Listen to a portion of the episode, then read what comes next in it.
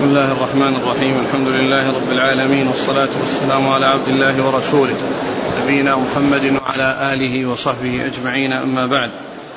فيقول الإمام أبو الحسين مسلم الحجاج القشيري النيسابوري رحمه الله تعالى في كتابه المسند الصحيح وساق بسنده إلى أن ذكر حديث سلمة ووقفنا عند قوله فوالله ما لبثنا إلا ثلاث ليال حتى خرجنا إلى خيبر مع رسول الله صلى الله عليه وسلم. قال فجعل عمي عامر يرتجز بالقوم. تالله لولا الله ما اهتدينا ولا تصدقنا ولا صلينا ونحن عن فضلك ما استغنينا. فثبت الأقدام إن لاقينا وأنزلا سكينة علينا. فقال رسول الله صلى الله عليه وسلم من هذا؟ قال أنا عامر. قال غفر لك ربك. قال وما استغفر رسول الله صلى الله عليه وسلم لإنسان يخصه إلا استشهد. قال فنادى عمر بن الخطاب رضي الله عنه وهو على جمل له يا نبي الله لولا ما متعتنا بعامر. قال فلما قدمنا خيبر قال خرج ملكهم مرحب. بسم الله الرحمن الرحيم. الحمد لله رب العالمين. وصلى الله وسلم وبارك على عبده ورسوله نبينا محمد وعلى آله وأصحابه أجمعين أما بعد.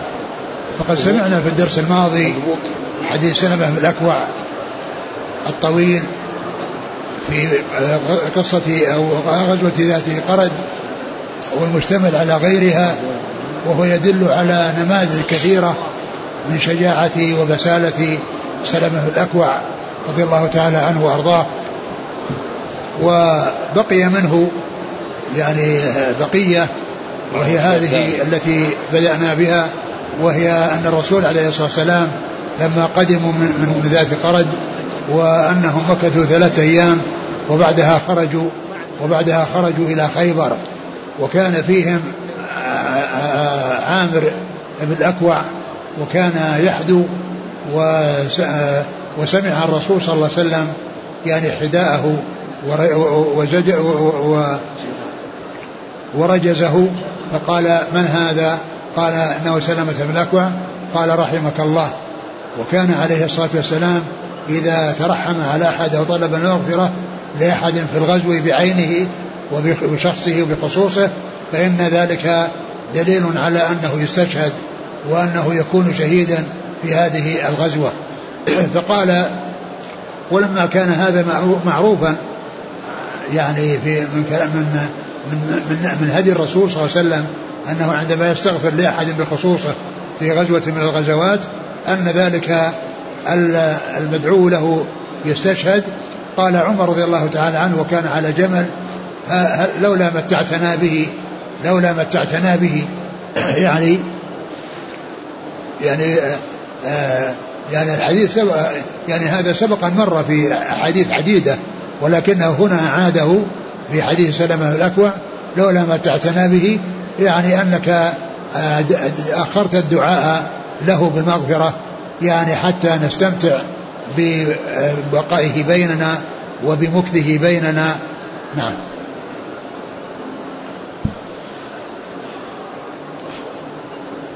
فلما قدمنا خيبر قال خرج ملكهم مرحب يخطر بسيفه ويقول قد علمت خيبر أني مرحب شاك السلاح بطل مجرب إذا الحروب أقبلت تلهب. قال وبرز له عمي عامر فقال قد علمت خيبر أني عامر شاك السلاح بطل مغامر. قال فاختلفا ضربتين فوقع سيف مرحب في ترس عامر وذهب عامر يسفل له فرجع سيفه على نفسه فقطع أكحله. فكانت فيها نفسه. قال سلمة فخرجت فإذا نفر من أصحاب النبي صلى الله عليه وسلم يقولون بطل عمل عامر قتل نفسه. قال فأتيت النبي صلى الله عليه وسلم وأنا أبكي. فقلت يا رسول الله بطل عمل عامر. قال رسول الله صلى الله عليه وسلم من قال ذلك؟ قال قلت ناس من أصحابك. قال كذب من قال ذلك. بل له أجره مرتين. ثم ثم ذكر يعني بعد ذلك أن عامرا رضي الله تعالى عنه حصلت له الشهادة وأنه آه، خرج مرحب الذي هو كبير آه، اليهود وملك اليهود وأنه قال يعني يعني مفتخرا أنه يعني آه، أنه مجرب في الغزو وأنه وأنه وأنه وأجابه عامر رضي الله تعالى عنه بكلام يدل على أيضا على شجاعته وبسالته ثم إن أنه حصل بينهما أن أن أن أن أن أن, أن, أن عمرا رضي الله تعالى عنه حصل يعني له أن أراد أن يفتك بمرحب ولكن آه ولكن ذاك التفت عليه ويعني وكان معه سيف قصير الذي هو الذي هو عامر فأراد أن يضرب يعني مرحبا به ولكن الضربة صارت على ركبته وعند ذلك آه، آه، أصابه ذلك إصابة كانت وفاته فيها وبعد ذلك كان بعض الصحابة يقولون إنه بطل عمل عمل عامر وذلك أنه آه، قتل نفسه ومعلوم أن قاتل نفسه يعني حصل فيه أدلة تدل على أن عمله خطير وأن عمله عظيم. والرسول صلى الله عليه وسلم لما بلغه ذلك وأخبر وجعل سلمه يبكي ويقول إن بعض أصحابك يقولون كذا وكذا قال كذب من قال ذلك. إن له أجره إن له أجره مرتين. فهذا يعني يدل وهذا الكلام سبق المرة في بعض الأحاديث في غزوة خيبر ولكنه هنا عاده في رواية آه، سلمة في هذا الحديث الطويل وذكر هذه القصة وأخبر الرسول عليه السلام أن له أجره مرتين وأن كون الإنسان قتل نفسه خطأ أو أنه حصل منه الإضرار بنفسه خطأ أن هذا لا يؤاخذ عليه وإنما الذي يؤاخذ عليه إذا قتل نفسه متعمدا. الذي يؤاخذ عليه إذا قتل نفسه متعمدا هذا هو الذي يؤاخذ عليه. وأما من حصل منه الخطأ ويعني أصاب نفسه بسلاحه وهو مخطئ فإن هذا مأجور و يعني مأجور. وليس وليس ممن يحبط من يحبط من يحبط عمله. نعم. قال وذهب عامر يسفل له. يسفل له يعني بيضربه يعني مع أسفله. نعم. فرجع سيفه على نفسه فقطع أكفله. نعم يعني سيفه وكان قصيرا وكان يريد أن يصيب به مرحب فرجع على أكحله يعني في في في يعني في في في في, في, في رجله أو في ركبته وكانت بذلك منيته ووفاته وتحققت شهادته التي أخبر بها رسول الله عليه الصلاة والسلام في قوله رحمه الله أو قوله غفر الله له. قال ثم أرسلني إلى علي وهو أرمد فقال لأعطين الراية رجلا يحب الله ورسوله أو يحبه الله ورسوله. قال فأتيت عليا فجئت به أقوده وهو أرمد حتى أعد, أعد. قال ثم قال ثم أرسلني إلى علي وهو أرمد. نعم. فقال لأعطين الراية رجلا يحب الله ورسوله. إيش؟ لأعطين الراية رجلا نعم. يحب الله ورسوله أو يحبه الله ورسوله. قال فأتيت عليا فجئت به أقوده وهو أرمد. حتى أتيت به رسول الله صلى الله عليه وسلم فبسق في عينيه فبرأ وأعطاه الراية. ثم ذكر أن أن أن رسول الله صلى الله عليه وسلم قال لسلمة إنه سيعطي الراية رجلا يحب الله ورسوله أو يحبه الله ورسوله وطلب منه أن يأتيه بعلي رضي الله عنه وكان عليا أرمد يعني فيه يشتكي من عينيه وجعا في عينيه. فذهب وآتى به يقوده يعني من من الرمد الذي أصاب عينيه ولا يستطيع أن أن يبصر بهما وأن يرى بهما فأتى به يقوده كأنه أعمى.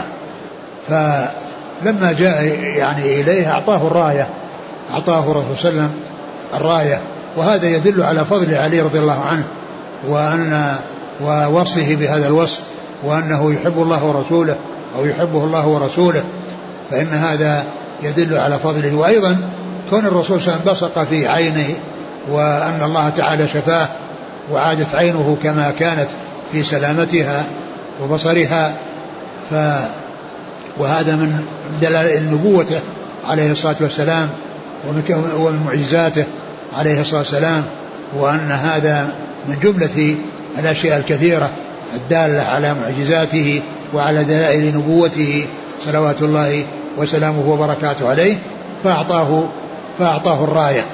فصار هذا الذي يحبه الله ورسوله هو علي رضي الله عنه. وقد جاء في بعض الروايات أن الرسول عليه الصلاة والسلام قال لأعطين الراية غدا رجلا يحب الله ورسوله ويحبه الله ورسوله يفتح الله على يديه. ثم إن الصحابة جعلوا يدوكون ويفكرون من هو ذلك الرجل وكل منهم يعني يريد أن يكون ذلك الرجل. فكان واحد منهم يأتي ويبرز وجهه للرسول صلى الله عليه وسلم يريد أن يذكره ولعله يشرف بحمل الراية. فكان أن جيء بعلي أو جاء سلمة بعلي يقوده وهو أرمد فبصق في عينه ودعا له ثم أعطاه الراية وفتح الله على يديه. نعم. قال وخرج مرحب فقال قد علمت خيبر أني مرحب شاك السلاح بطل مجرب إذا, القلو إذا الحروب أقبلت تلهب. فقال علي أنا الذي سمتني أمي حيدرة كليث غابات كريه المنظرة وفيهم بالصاع كيل, كيل السندرة. قال فضرب رأس مرحب فقتله ثم كان الفتح على يديه. ثم ذكر أن أن مرحب هذا الذي الذي قتل الذي الذي أراد كعامر أن يقتله ورجع سيفه على على ركبته وقتل نفسه خطأ وأنه نال الشهادة بذلك كما بين الرسول صلى الله عليه وسلم في قوله إن له أجره مرتين. وبعد ذلك قال يعني لما ولي أعطي الراية علي قال مرحب الكلام الذي كان يقوله من الرجز الذي فيه الافتخار وهو الكلام الذي قاله مع عامر عامر بن الأكوع فعلي رضي الله عنه أيضا جاء برجز مماثل يماثله يعني في يدل يعني يدل على الشجاعة وعلى القوة والبسالة. فقال أنا الذي سمتني أمي حيدرة نعم. كل نعم كليث غابات. يعني حي... سمتني أمي حيدرة يعني يعني المقصود به الأسد الذي يكون فيه قوة وفيه شجاعة. كليث. كليث غابات كريه المنظرة. نعم. أوفيهم بالصاع كيل السندرة. أوفيهم بالصاع يعني مقصود بأنه يعني معنى ذلك والمقصود به أنه يفتك بهم وأنه يعني يعني يعني يقتلهم ويستأصلهم. وكيل السندرة قيل إنه يعني مكيال واسع وقيل يعني غير ذلك. شوف إيش قال النووي عدة معاني لهذا. قال معناه أقتل الأعداء قتلا واسعا ذريعا والسندرة مكيال واسع وقيل هي العجلة أي أقتلهم عاجلا. وقيل مأخوذ من السندرة وهي شجرة الصنوبر يعمل منها النبل والقسي. نعم. قال الإمام مسلم حدثنا أبو بكر بن أبي شيبة قال حدثنا هاشم بن القاسم حا قال حدثنا إسحاق بن إبراهيم عن أبي عامر العقدي. وعبد الملك بن عمرو. كلاهما عن عكرمة بن عمار. حا قال وحدثنا عبد الله بن عبد الرحمن الدارمي وهذا حديثه عن أبي علي الحنفي عبيد الله بن عبد المجيد عن عكرمة بن عمار عن إياس بن سلمة عن أبيه. نعم. قال قال إبراهيم حدثنا محمد بن يحيى قال حدثنا عبد الصمد بن عبد الوارث عن عكرمة بن عمار بهذا الحديث بطوله. ثم قال قال إبراهيم والمراد بإبراهيم هذا إبراهيم بن سفيان أبو إسحاق راوي الحديث أو راوي الكتاب عن مسلم. نعم. قال وحدثنا أحمد بن يوسف الأزدي السلمي عن النضر بن محمد. لا ذاك أبو قال إبراهيم حدثنا محمد بن يحيى. محمد بن يحيى هو هو القطعي آآ آآ هو القطعي. نعم هذا هو الذي يروي عن عبد الصمد؟ إي نعم. نعم هو اللي يروي عن عبد الصمد بن عبد الوارث. نعم. الشيخ يقول أحسن الله إليك الشيخ محمد علي آدم. نعم. آه، يقول أن محمد بن يحيى هذا هو الذهلي. ها؟ الذهلي. يقول كون محمد بن يحيى هنا هو الذهلي هو الظاهر فما ذكره بعض الشراح من أنه محمد بن يحيى بن سعيد القطان فيه نظر لأن الأول هو الذي نص المزي في التهذيب. اسمه إيش؟ قال فيه؟ اللي فيه نظر وش هو؟ محمد بن يحيى بن سعيد بن القطان. القطان؟ محمد ها ابن يحيى. ها ابن الإمام يحيى بن سعيد القطان ابنه. نعم. يقول من قال كذلك وهو الذي قال ذلك الشيخ محمد الهرري. إيه. قال بأنه محمد بن يحيى بن سعيد القطان. قال فيه نظر لأن الأول الذهلي هو الذي نص المزي في التهذيب أنه يروي عنه إبراهيم بن محمد بن سفيان. أيوه. وأما الثاني فلم يذكر إبراهيم المذكور ممن روى عنه. لا هو غير هذا. يعني الرجل الذي ذكر المزي في تهذيب الكمال أنه روى عن عبد الصمد بن عبد الوارث هو محمد بن يحيى ابن كذا القطعي. يعني وهذا من تلاميذه. يعني من تلاميذ عبد الصمد بن عبد الوارث كما في تهذيب الكمال. محمد بن يحيى ابن كذا ابن حزم أظن كذا ابن حزم. محمد بن يحيى بن حزم القطعي وهو ممن روى عن عبد الصمد بن عبد الوارث. إذن يبقى لابد إذن من الرجوع. ها؟ أقول صار الآن يعني في ترجمة إبراهيم ذكر أن من شيوخه محمد بن يحيى الذهلي. نعم لكن هذا أيضا عبد عبد عبد, الوارث بن بن سعيد عبد الصمد بن عبد الوارث يعني ذكر في من تلاميذه محمد بن يحيى بن حزم القطعي.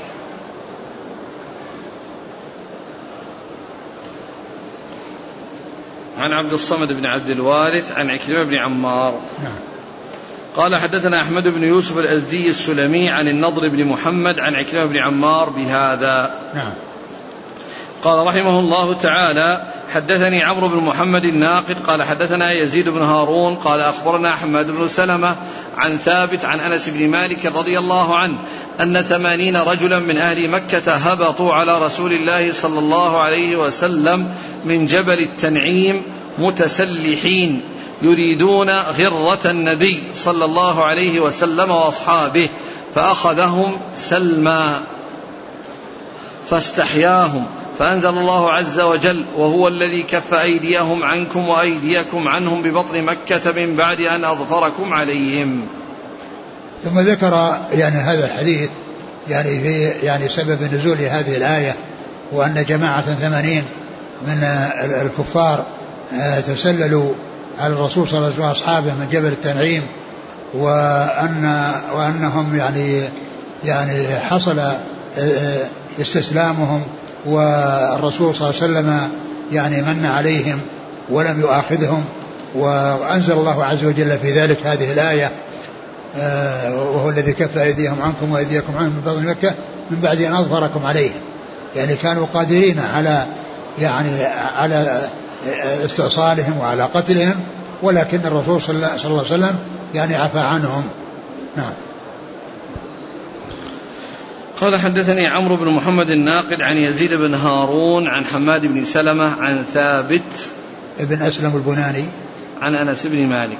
نعم. قال رحمه الله تعالى حدثنا أبو بكر بن شيبة قال حدثنا يزيد بن هارون قال أخبرنا حماد بن سلمة عن ثابت عن أنس أن أم سليم رضي الله عنها اتخذت يوم حنين خنجرا فكان معها فرآها أبو طلحة رضي الله عنه فقال يا رسول الله هذه أم سليم معها خنجر. فقال لها رسول الله صلى الله عليه وسلم ما هذا الخنجر؟ قالت اتخذته إن دنا مني أحد من المشركين بقرت به بطنه. فجعل رسول الله صلى الله عليه وسلم يضحك. قالت يا رسول الله اقتل من بعدنا من الطلقاء إن هزموا بك فقال رسول الله صلى الله عليه وسلم يا أم سليم إن الله قد كفى وأحسن. قال وحدثنيه محمد بن حاتم قال حدثنا بهز قال حدثنا حماد بن سلمة قال أخبرنا إسحاق بن عبد الله بن أبي طلحة عن أنس بن مالك في قصة أم سليم عن النبي صلى الله عليه وسلم مثل حديث ثابت. ثم ذكر يعني هذا الحديث يعني في قصة غزو النساء مع الرسول صلى الله عليه وسلم وأنهن كن يذهبن لا للغزو ولا للجهاد وإنما لخدمة أزواجهن ويعني القيام بما يحتاج إليهن من سقي المرضى ومداواتهم ومعالجتهم وأنه إذا كانوا من أقاربهن وأما إذا كانوا ليس من الأقارب فإنها تحصل المعالجة بدون بدون المس لأن المرأة ليس لها أن تمس الرجل. ف أم سليم رضي الله عنها أم أنس زوجة أبي طلحة كان معها خنجر والخنجر هو السكين الغليظة التي لها لها حدان وكانت أخذتها معها وأخذتها وأخبرت الرسول صلى الله عليه وسلم بأن غرضه غرضها من ذلك لو أقدم عليها رجل مشركين فإنها تشق بطنه بهذا الخنجر. فضحك رسول الله عليه الصلاة والسلام وقالت بعد ذلك اقتل. من معك من الطلقاء يعني لأنهم هم سبب الهزيمة. إلى الهزيمة يوم حنين كانت بسبب يعني أن أن أن, أن الذين كانوا مع الرسول صلى الله عليه وسلم كثيرين من أهل مكة الذين حديث عهدهم بالإسلام وليس معهم سلاح و فحصل الانهزام في أول الأمر يعني بسبب هؤلاء ولكن الرسول صلى الله عليه وسلم ثبت ومعه بعض أصحابه ثم نادى العباس بهم فرجعوا إليه وأحاطوا به وصاروا معه كما سبق أن مر في بعض الأحاديث في ذلك عن رسول الله صلى الله عليه وسلم.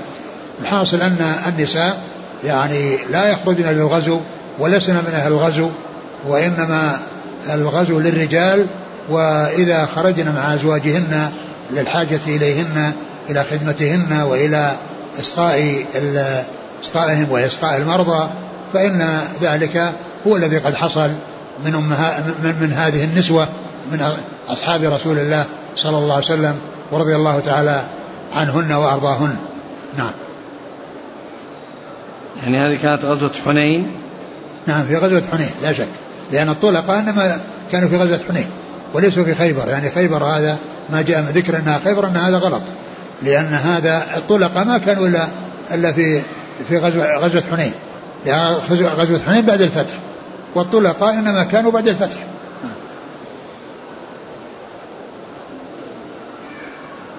قال حدثنا أبو بكر بن أبي شيبة عن يزيد بن هارون عن حماد بن سلمة عن ثابت عن أنس.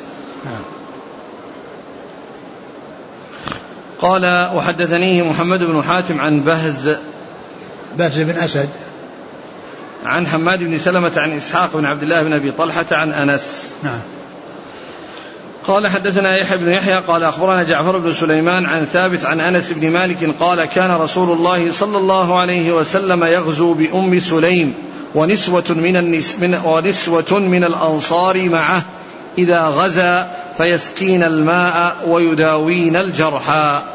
ثم ذكر هذا الحديث قوله يغزو يعني أنه يذهب بهن لأنهن يذهبن للغزو ولهذا بين السبب الذي يعني يذهبن تذهب مع النساء بسببه وهي سقي سقي السقي ومداواة الجرحى ومداواة الجرحى. هذا هو الغرض أو السبب الذي يعني تخرج النساء مع الرجال تخرج النساء مع الرجال الجهاد لا أنهن من أهل الغزو وأهل القتال وإنما ذلك من شأن الرجال وليس من شأن النساء.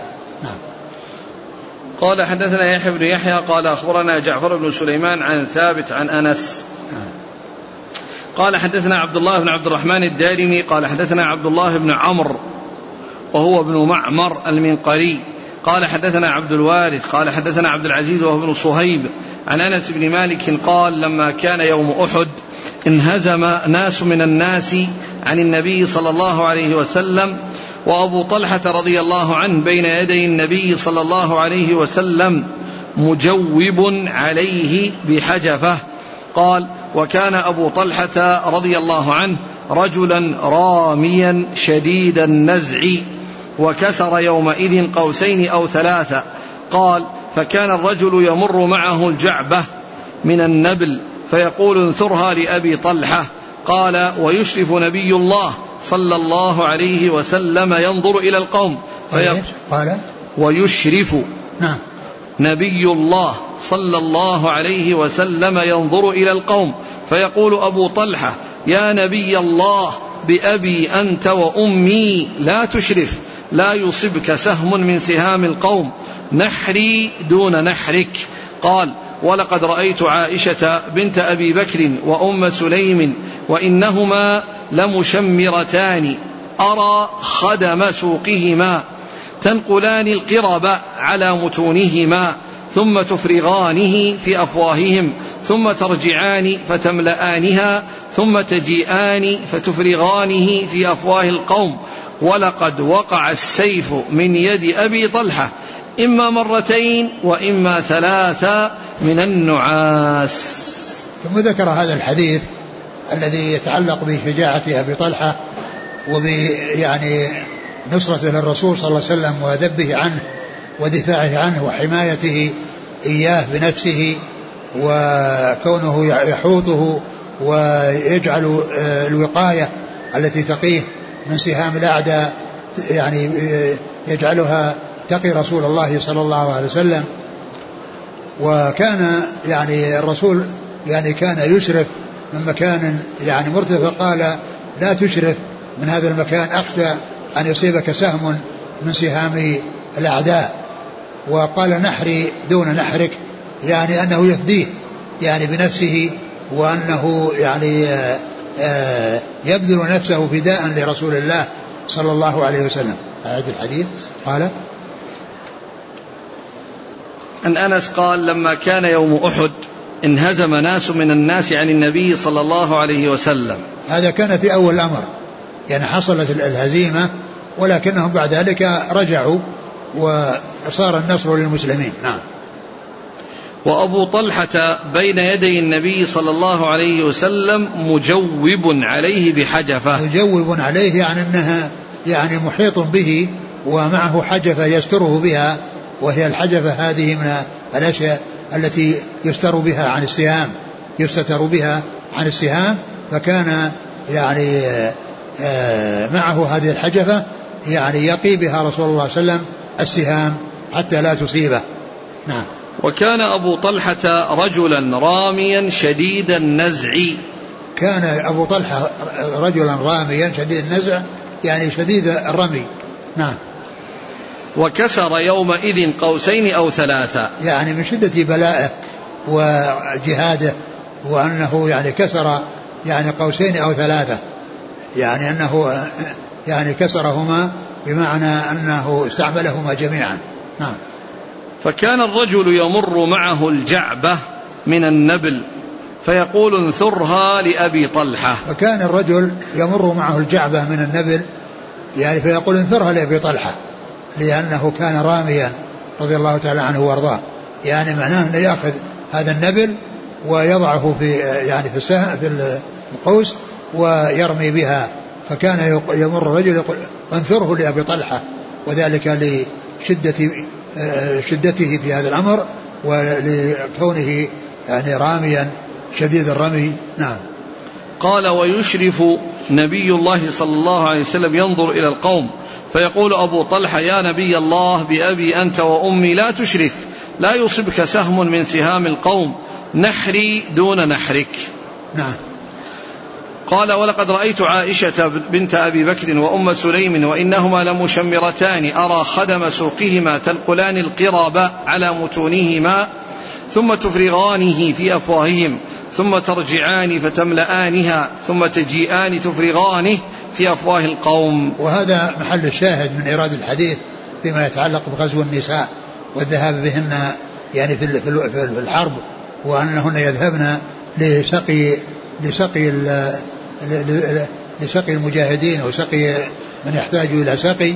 فكان فكانت أم سليم وعائشة رضي الله تعالى عنهما يعني يذهبان ويملأان القرب ثم يأتيان بها ويفرغانها في أفواه المحتاجين إليها من المجاهدين في سبيل الله. وقلت فإني أرى خدم نعم أرى خدم سوقهما. أرى خدم سوقهما يعني يرى الزينة التي على سوقهما وهي الخلاخيل التي تكون في الرجلين وسوقهما جمع ساق يعني سيقانهما. وهذا يعني إنما المقصود منه أنه حصل يعني فجأة وليس معنى ذلك أنه كان ينظر. ثم أيضا هذا كان قبل قبل أن ينزل الحجاب يعني في غزوة أحد والحجاب إنما حصل بعد ذلك. نعم. قال ولقد وقع السيف بين يدي أبي طلحة إما مرتين وإما ثلاثا من النعاس. و و و ومعلوم أن الله عز وجل يعني كان يؤيد جنده بأن يغشيهم النعاس يعني أمنة منه لأن إذا حصل عندهم النوم ويعني فهذا يدل على أن قلوبهم ثابتة وأن ما فيها رعب ولا فيها خوف لأن النوم ما يحصل إلا من الراحة ومن يعني عدم الخوف والذعر. والله عز وجل يعني كان يعني يجعل يغشي غشيهم بالنعاس يعني أمنة منه يعني بحيث يذهب عنهم الفزع ويذهب عنهم الرعب والخوف من الأعداء.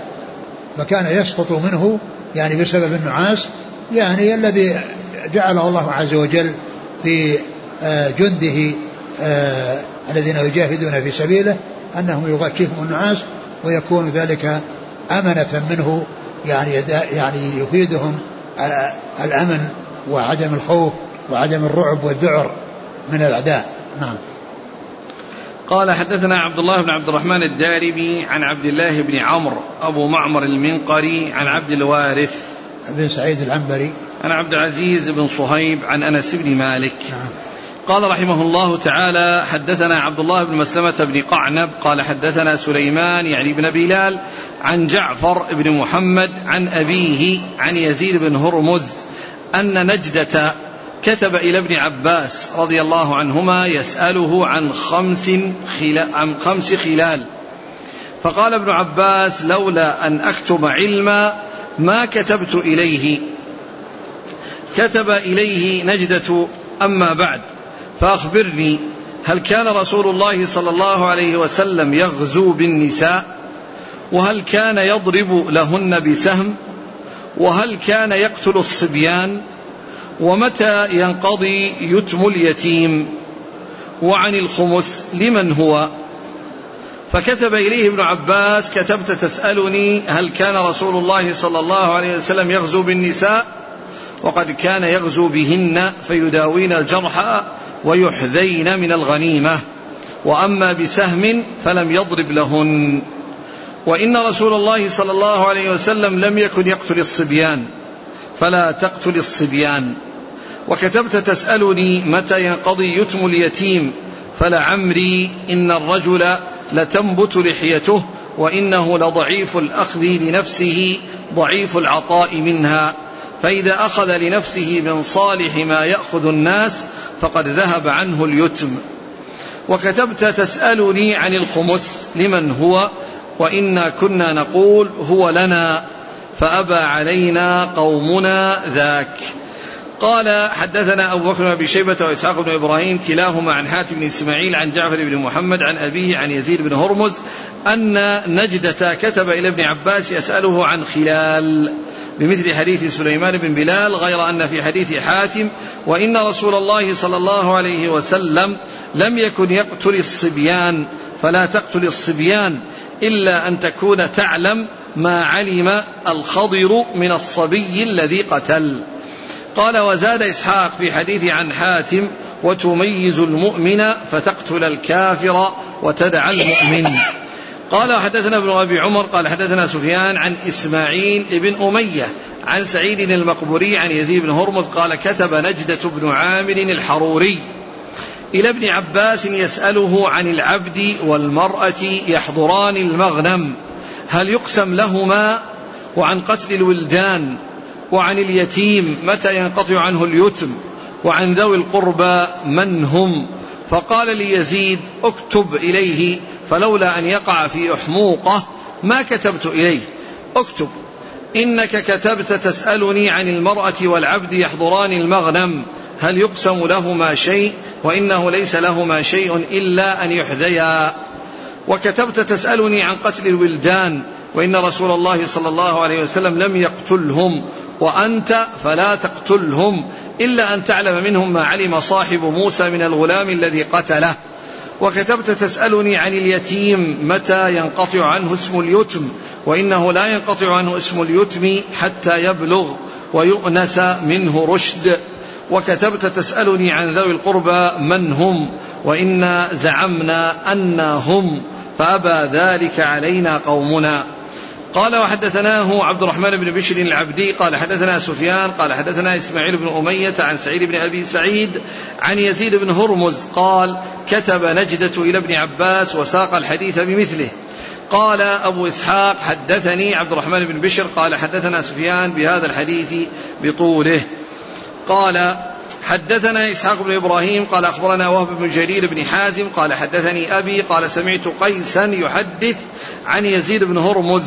حاء. قال وحدثني محمد بن حاتم واللفظ له. قال حدثنا بهز قال حدثنا جرير بن حازم قال حدثني قيس بن سعد عن يزيد بن هرمز قال كتب نجدة بن عامر إلى ابن عباس قال فشهدت ابن عباس حين قرأ كتابه وحين كتب جوابه وقال ابن عباس والله لولا أن أرده عن نتن يقع فيه. ما كتبت إليه ولا نعمة عين. قال فكتب إليه إنك سألت عن سهم ذي القربى الذي ذكر الله من هم وإنا كنا نرى أن قرابة رسول الله صلى الله عليه وسلم هم نحن فأبى ذلك علينا قومنا وسألت عن اليتيم متى ينقضي يتمه وإنه إذا بلغ النكاح وأونس منه رشد ودفع إليه ماله فقد انقضى يتمه وسألت هل كان رسول الله صلى الله عليه وسلم يقتل من صبيان؟ قل مشركين. وهل كان رسول الله صلى الله عليه وسلم يقتل من صبيان المشركين أحدا؟ فإن رسول الله صلى الله عليه وسلم لم يكن يقتل منهم أحدا. وأنت فلا تقتل منهم أحدا. إلا أن تكون تعلم منهم ما علم الخضر من الغلام حين قتله. وسألت عن المرأة والعبد هل كان لهما سهم معلوم؟ إذا حضروا البأس فإنهم لم يكن لهم سهم معلوم إلا أن يحذيا من غنائم القوم. قال وحدثني أبو كريب قال حدثنا أبو أسامة قال حدثنا زائدة قال حدثنا سليمان الأعمش عن المختار بن صيفي عن يزيد بن هرمز قال كتب نجدة إلى ابن عباس فذكر بعض الحديث ولم يتم القصة كإتمام من ذكرنا حديثهم. ثم ذكر مسلم رحمه الله يعني هذه الأحاديث عن علي رضي الله عنه عن, عن ابن عباس رضي الله تعالى عنهما وذكر أن نجدة بن عامر الحروري وهو زعيم من زعماء الخوارج كتب إليه يسأله عن خمسة أسئلة. إيش أولها؟ قال الأول. في الرواية الأولى قال هل كان رسول الله صلى الله عليه وسلم في أول قال في أول قال لولا أن أكتم علما ما كتبت إليه. يعني بين ابن عباس رضي الله عنه أن الذي دفعه إلى ذلك أنه يجيبه وهو من الخوارج يريد أن لا يكتم علما وهو يعلمه عن رسول الله صلى الله عليه وسلم وقد سأله عنه ذلك الخارجي. ف وأيضا كذلك يعني حتى لا يحصل منه حموقة أو يحصل منه يعني شيء يعني لا تحمد عاقبته بأن يعني يحصل منه فتك أو يحصل تصرفات طائشة ويعني آه، غير يعني موافقة لما جاء به الإسلام فيعني فكان أجابه لعدة أمور يعني لكونه لا يريد أن يكتم العلم ولكونه أيضا لا يقع يعني في شيء يعني فيه مضرة. نعم وفي الرواية قال لولا أن أرده عن نتن يقع فيه ما كتبت إليه. نتن يقع فيه يعني أمور منكرة يعني بأن يحصل منه قتل لأحد. نعم ولا نعمة عين. ولا نعمة عين يعني ولا تقر عينه ولا يستحق يعني ذلك. ولكن الذي دفع إلى ذلك يعني أولا عدم كتب العلم والثاني ألا يحصل منه يعني أمور يعني آه، سيئة. قال هل سأله هل كان الرسول صلى الله عليه وسلم يغزو بالنساء؟ فقال كان صلى الله عليه وسلم يغزو بهن فيداوين الجرحى. يعني هذا محل الشاهد. الذي أورد من أجله الحديث وهو غزو النساء قال هل كان يغزو بالنساء قال نعم كان يغزو بهن يداوين الجرحى ويسقين يداوين الجرحى هذا اللفظ الأول. نعم. فيداوين الجرحى نعم. ثم قال ويحذين من الغنيمة. يحذين يعني يعطينا يعني ليس لهن سهم. لا يسهم لهن كما يسهم للمقاتلين. الإسهام للمقاتلين للمجاهدين أهل الجهاد وأهل القتال. والنساء لسن من أهل الجهاد. ولكنهن يحذين يعطينا وكذلك العبد. يعني أيضا لأن لأنه إذا خرج فإنه يرضخ له. يعني يحيى يحدين يرضخ لهن. يعني يعطين شيئا أو يعطون شيئا يعني من الغنيمة. يعني ليس من على قبيل من قبيل السهام وإنما من قبيل إعطاء دون ما يعطى لأصحاب الأسهم. نعم. وإن رسول الله صلى الله عليه وسلم لم يكن يقتل الصبيان فلا تقتل الصبيان. نعم وهذا السؤال الثاني نعم. نعم السؤال الثاني أن الرسول هل كان يقتل الصبيان؟ كان يقتل الصبيان؟ يعني في الحرب قال لا ما كان يقتل الصبيان فأنت لا تقتل الصبيان. إذا حصل منه يعني أمر منكر فلا يعامل السلطان السفيان الصبيان معاملة الكبار. نعم. جاء في الروايات إلا أن تكون تعلم ما علم الخضر من الصبي الذي قتل. إلا أن تكون تعلم ما علم الخضر من الصبي اللي قتله. لأن الخضر يعني وجد صبيا يعني فقتله واستعظم ذلك موسى وقال قتلت نفسا زكية بغير نفس لقد جئت شيئا نكرا. لقد جئت شيئا نكرا. ف وكان الخضر إنما يفعل بأمر الله. وبتعليم من الله عز وجل. ولهذا قال في الآخر وما فعلت عن أمري. يعني إنما هذا من أمر الله سبحانه وتعالى. ومعلوم أنه لا يمكن لأحد أن يعلم ما علم الخضر لأن الخضر نبي من الأنبياء وأوحى الله إليه بشيء وأطلعه على شيء وليس كل أحد يمكن أن يعني يحصل له مثل ما حصل لذلك النبي الكريم الذي هو الخضر عليه الصلاة والسلام. نعم. وكتبت تسألني متى ينقضي يتم اليتيم. فلعمري إن الرجل لتنبت لحيته وإنه لضعيف الأخذ لنفسه ضعيف العطاء منها. فإذا أخذ لنفسه من صالح ما يأخذ الناس فقد ذهب عنه اليتم. اليتم يعني يراد به يعني البلوغ وبلوغ النكاح وكل إنسان صار من أهل التكليف بدل ما كان مرفوعا عنه القلم وهذا يحصل بأمور يعني الذي هو البلوغ يكون ببلوغ خمسة عشر سنة أو بالاحتلام أو يعني آه، بنبات الشعر الخشن حول القبل و وتزيد النساء يعني حصول حصول الحيض هذا هو الذي يحصل به التكليف. لكن فيما يتعلق بالمال وأخذ المال وإعطاء صاحب اليتيم صاحب ماله فإن هذا يكون بأمرين يعني بكونه بلغ وبكونه صار راشدا. ولهذا قال فإن أنستم منهم رشدا حتى إذا بلغوا النكاح فإن أنستم منهم رشدا فادعوا إليهم أموالهم ولهذا جاء في الحديث في نفس الحديث كلام ابن عباس في الروايات الأخرى التنصيص على هذا الشيء وأنه يعني إذا أنه يدفع إليه المال إذا كان يعني جمع بين الأمرين وهي البلوغ وحصول الرشد. وكتبت تسألني عن الخمس لمن هو وإنا كنا نقول هو لنا فأبى علينا قومنا ذاك. يعني وتسأل عن الخمس الذي هو يعني خمسه ويعني للرسول يعني كنا يعني نظن أو نزعم أنه لنا يعني لأهل البيت أهل بيت الرسول صلى الله عليه وسلم فأبى ذلك علينا قومنا. والمقصود من ذلك يعني قومهم بنو أمية ولا شك أن المقصود من ذلك من كان بعد من كان بعد معاوية ويزيد ومن وراءه وأما معاوية رضي الله عنه صاحب الرسول صلى الله عليه وسلم فلا يقال فيه أنه يعني آه، منع ذلك أو أنه يعني حصل منه الحيلولة بين المستحقين والحق الذي يستحقونه. قال حدثنا عبد الله بن مسلمة بن قعنب عن سليمان بن بلال عن جعفر بن محمد عن أبيه. أبوه محمد بن علي بن حسين عن يزيد بن هرمز نعم. عن ابن عباس. قال حدثنا ابن أبي عمر محمد بن يحيى بن أبي عمر العدني. عن سفيان بن عيينة. عن إسماعيل بن, عمي بن أمية عن سعيد المقبري.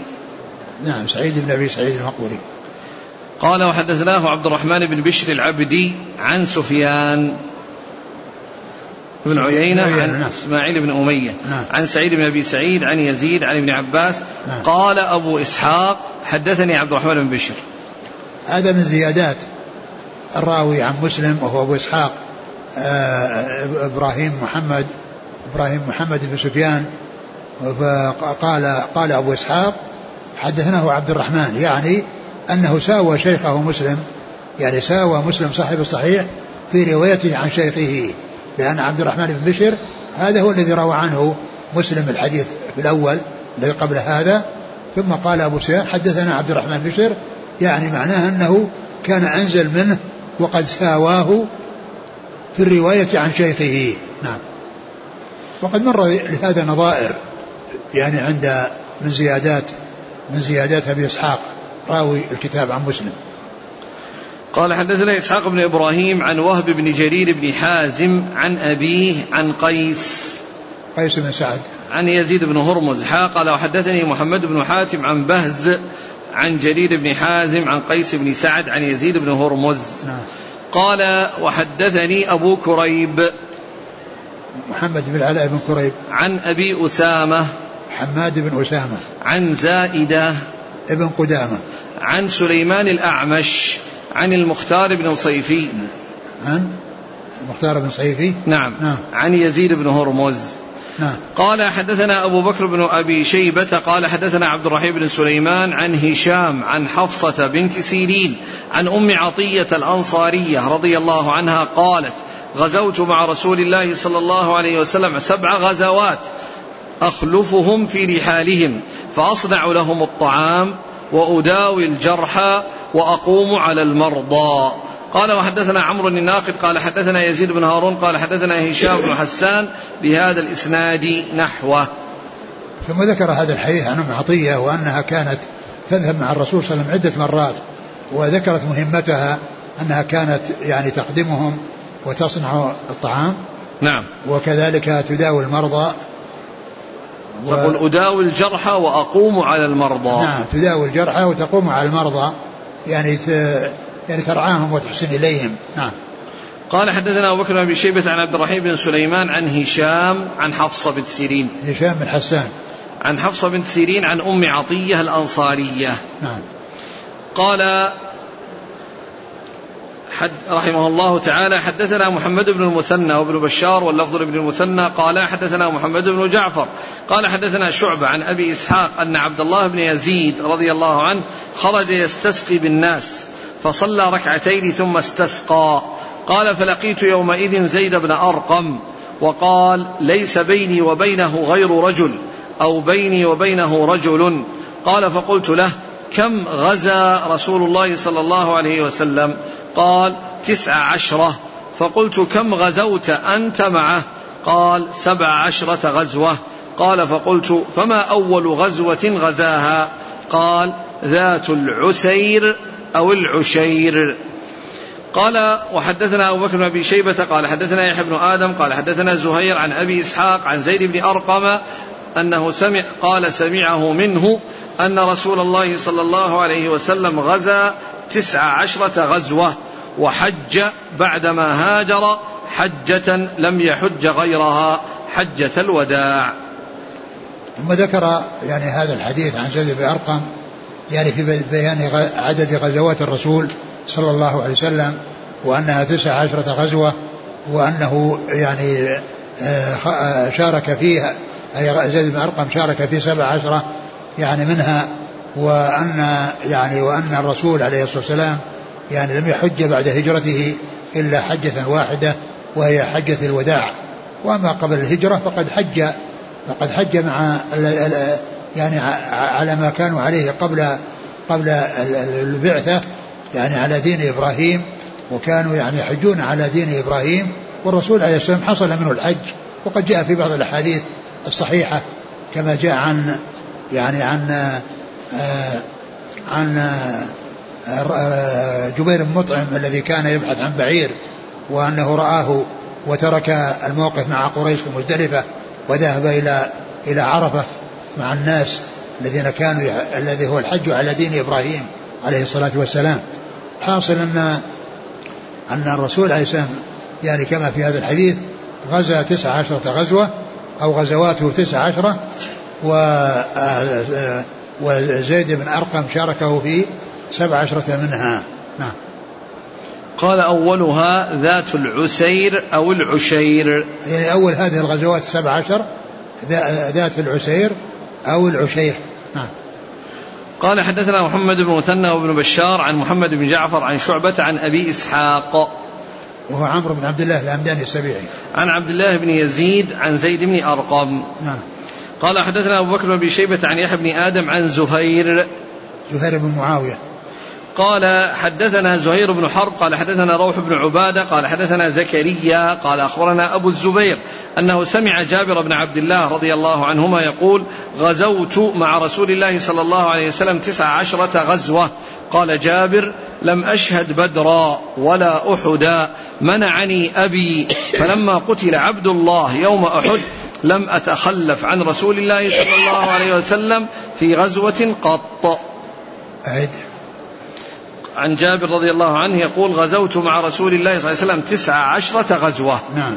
قال جابر لم أشهد بدرا ولا أحدا منعني أبي. فلما قتل عبد الله يوم أحد لم أتخلف عن رسول الله صلى الله عليه وسلم في غزوة قط. ثم ذكر هذا الحديث أيضا متعلق بغزواته عليه الصلاة والسلام وأنها تسعة عشرة غزوة. نعم. هذه يزيد تدل على أكثر من تسعة عشر. نعم. تدل على أن أكثر من تسعة نعم، عشر. يعني هذا الكلام اللي قاله يقول شهد تسعة عشرة لا هو يقول غزا النبي صلى الله عليه وسلم. تسعة عشر غزوة ثم قال لم أشهد بدرا ولا أحدا. نعم. لم أشهد بدرا ولا أحدا. يعني هذا يفهم منه نعم أنها أنها تزيد. نعم. قال حدثنا زهير بن حرب عن روح بن عبادة عن زكريا. زكريا بن أبي زائدة. زكريا بن إسحاق المكي. نعم. عن أبي الزبير. محمد بن مسلم بن تدرس. عن جابر بن عبد الله. نعم. قال وحدثنا أبو بكر بن شيبة قال حدثنا زيد بن الحباب حا قال وحدثنا سعيد بن محمد الجرمي. قال حدثنا أبو تميلة قال جميعا حدثنا حسين بن واقد عن عبد الله بن بريدة عن أبيه رضي الله عنه قال غزا رسول الله صلى الله عليه وسلم تسع عشرة غزوة قاتل في ثمان منهن ولم يقل أبو بكر منهن. وقال في حديثه حدثني عبد الله بن بريدة. قال وحدثني أحمد بن حنبل قال حدثنا معتمر بن سليمان عن كهمس عن ابن بريدة عن أبيه أنه قال غزا مع رسول الله صلى الله عليه وسلم ست عشرة غزوة. ثم ذكر هذا الحديث أي متعلق بغزوات الرسول صلى الله عليه وسلم وأنها يعني آه، آه، تسعة عشر قال في الأول. قال نعم تسعة عشر غزوة. قاتل في ثمان منهن. قاتل في ثمان منها يعني أن هذه الغزوات يعني منها ما حصل منه القتال ومنها ما لم يحصل يعني منه يعني حضورها. نعم. قال حدثنا أبو بكر بن شيبة عن زيد بن الحباب حا قال وحدثنا سعيد بن محمد الجرمي عن أبي تميلة. قال حدثنا سعيد بن محمد الجرمي عن أبي تميلة. أبو تميلة يحيى بن واضح. عن حسين بن واقد عن عبد الله بن بريدة عن أبيه. نعم. قال وحدثنا حدثني أحمد بن حنبل عن معتمر بن سليمان عن كهمس. ابن الحسن. عن ابن بريدة عن أبيه. قال حدثنا محمد بن عباد قال حدثنا حاتم يعني بن إسماعيل عن يزيد وهو ابن أبي عبيد. قال سمعت سلمة رضي الله عنه يقول غزوت مع رسول الله صلى الله عليه وسلم سبع غزوات وخرجت فيما يبعث من البعوث تسع غزوات. مرة علينا أبو بكر ومرة علينا أسامة بن زيد. قال وحدثنا قتيبة بن سعيد قال حدثنا حاتم بهذا الإسناد غير أنه قال في كلتيهما سبع غزوات. قال, قال سلمة. غزوت مع رسول الله صلى الله عليه وسلم سبع غزوات. وخرجت فيما يبعث من البعوث تسع غزوات. يعني مرة علينا أبو بكر ومر علينا سلمة بن الأكوع رضي الله عنه يخبر أنه غزا مع الرسول صلى الله عليه وسلم سبع غزوات وأنه خرج في بعوث يبعثه الرسول صلى الله عليه وسلم في تسع مرات. يعني مرة آه، عليهم أبو بكر ومرة عليهم أسامة بن زيد. قال حدثنا حدثني محمد بن عباد عن حاتم بن إسماعيل عن يزيد بن أبي عبيد عن سلمة. نعم. قال رحمه الله تعالى حدثنا أبو عامر عبد الله بن براد الأشعري ومحمد بن العلاء الهمداني. واللفظ لأبي عامر قال حدثنا أبو أسامة عن بريد بن أبي بردة عن أبي بردة عن أبي موسى رضي الله عنه قال خرجنا مع رسول الله صلى الله عليه وسلم في غزاة ونحن ستة نفر بيننا بعير نعتقبه قال فنقبت أقدامنا فنقبت قدماي وسقطت أظفاري فكنا نلف على أرجلنا الخرق فسميت غزوة ذات الرقاع. لما كنا نعصب على أرجلنا من الخرق. قال أبو بردة فحدث أبو موسى بهذا الحديث ثم كره ذلك. قال كأنه كره أن يكون شيئا من عمله أفشاه. قال أبو أسامة وزادني غير بريد والله يجزي به. والله تعالى أعلم وصلى الله وسلم وبارك على عبده ورسوله نبينا محمد وعلى آله وأصحابه أجمعين. جزاكم الله خيرا وبارك الله فيكم. ألهمكم الله الصواب ووفقكم للحق. شافاكم الله وعافاكم ونفعنا الله بما سمعنا وغفر الله لنا ولكم وللمسلمين أجمعين. آمين. آمين. يقول فضيلة الشيخ حفظك الله. الذي يذهب للجهاد بغير إذن الوالدين هل يأثم إذا لم يكونوا محتاجين إليه؟ ليس الإنسان يذهب إلا, إلا إذا أذن له والداه وكان هذا الجهاد جهاد مشروعا. أما يعني هذا اللي يسمونه في هذا الزمان أنواع من الجهاد فهي جهاد في سبيل الشيطان. أنواع من الجهاد يقال لها جهاد في سبيل الشيطان. الذي يعني يستأذنون يعني ليذهبوا ويجاهدوا. يعني بعض الجهادات في هذا الزمان هي من الجهاد في سبيل الشيطان وليست في الجهاد في سبيل الله. والجهاد في سبيل الله المشروع ليس للإنسان أن يذهب إلا بإذن الوالدين. يقول آه، كيف نتعامل مع الجواسيس الذين يعملون مع الرافضة والحوثيين؟ هل يقتلون في جبهات القتال؟ أولا الإنسان يعني كونه يعني يعني يقول أن هؤلاء جواسيس أو هؤلاء يعني آه، أنهم كذا وكذا يعني قد يكون هذا شيء من الظن. قد يكون هذا شيء من الظن. فقد يظن الإنسان أو يرخي لنفسه العنان بأن يظن يعني ظنونا ثم يأتي بأمور لا تحمد عاقبتها. قد يكون هؤلاء يعني بريئين وقد يكون ليسوا من هذا القبيل أو ليسوا من هذا الجنس الذي يعنيهم السائل. آه، أحسن الله إليكم. آه، ذكرتم جواز ذهاب النساء مع الرجال في حال الغزو. نعم ذكرتم جواز ذهاب النساء مع الرجال في حال الغزو. نعم فهل من تط... فهل مع تطبيبهن للرجال؟ هل يحدث من ذلك ملامسة؟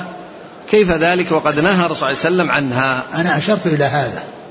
أنا أشرت إلى هذا أنه يداوين يعني محارمهن وأما غيرهن يعني ما يكون فيه ملامسة. يعني مداواة بدون ملامسة. آه. السائل الثاني يقول يستدل بمثل هذا الحديث على جواز الاختلاط اختلاط النساء بالرجال. ليس هذا ليس في اختلاط. وإنما هذا يعني آه، يعني لقاء عارض. يعني ما هو مثل اللقاء في الأسواق. يعني هذا من جنس اللقاء في الأسواق اللقاء العارض. ليس لقاء مقصودا. مثل اللقاء يعني في الطرقات. فيعني ما في ما يقال إن هذا يدل على على اختلاط وإنما هن مع محارمهن ومع أقاربهن وهن يعني يخدمنهم ويسعفنهم ويسعفن غيرهم من ممن هو بحاجة إلى إسعافهن. لكن هذا ما يقال إنه دليل على الاختلاط الممجوج الذي يعني ابتلي به الناس في هذا الزمان. يقول بارك الله فيكم امرأة لم تخرج لها قرعة في الحج الماضي فظنت أنها لن تستطيع أن تحج بعد ذلك العام فأوكلت من يحج عنها. في هذا العام جاء نظام جديد أن من عمره أكثر من سبعين سنة يذهب إلى الحج بدون قرعة. تريد هذه المرأة أن تأتي إلى الحج وتنوي عن زوجها المتوفى. هل يجوز لها ذلك؟ وهل تلك الحجة تجزئ؟ أعد السؤال امرأة إيه؟ لم تخرج لها قرعة في إيه؟ حج العام الماضي. أيوة. فظنت على ذلك أنها لن تستطيع الحج. فأوكلت من يحج عنها. في هذا العام جاء نظام جديد أن من عمره أكثر من سبعين سنة يذهب إلى الحج بدون قرعة. فتريد أن تأتي لكن تنوي الحج عن زوجها المتوفى. هل يجوز لها ذلك؟ وهل تلك الحجة تجزع عنها؟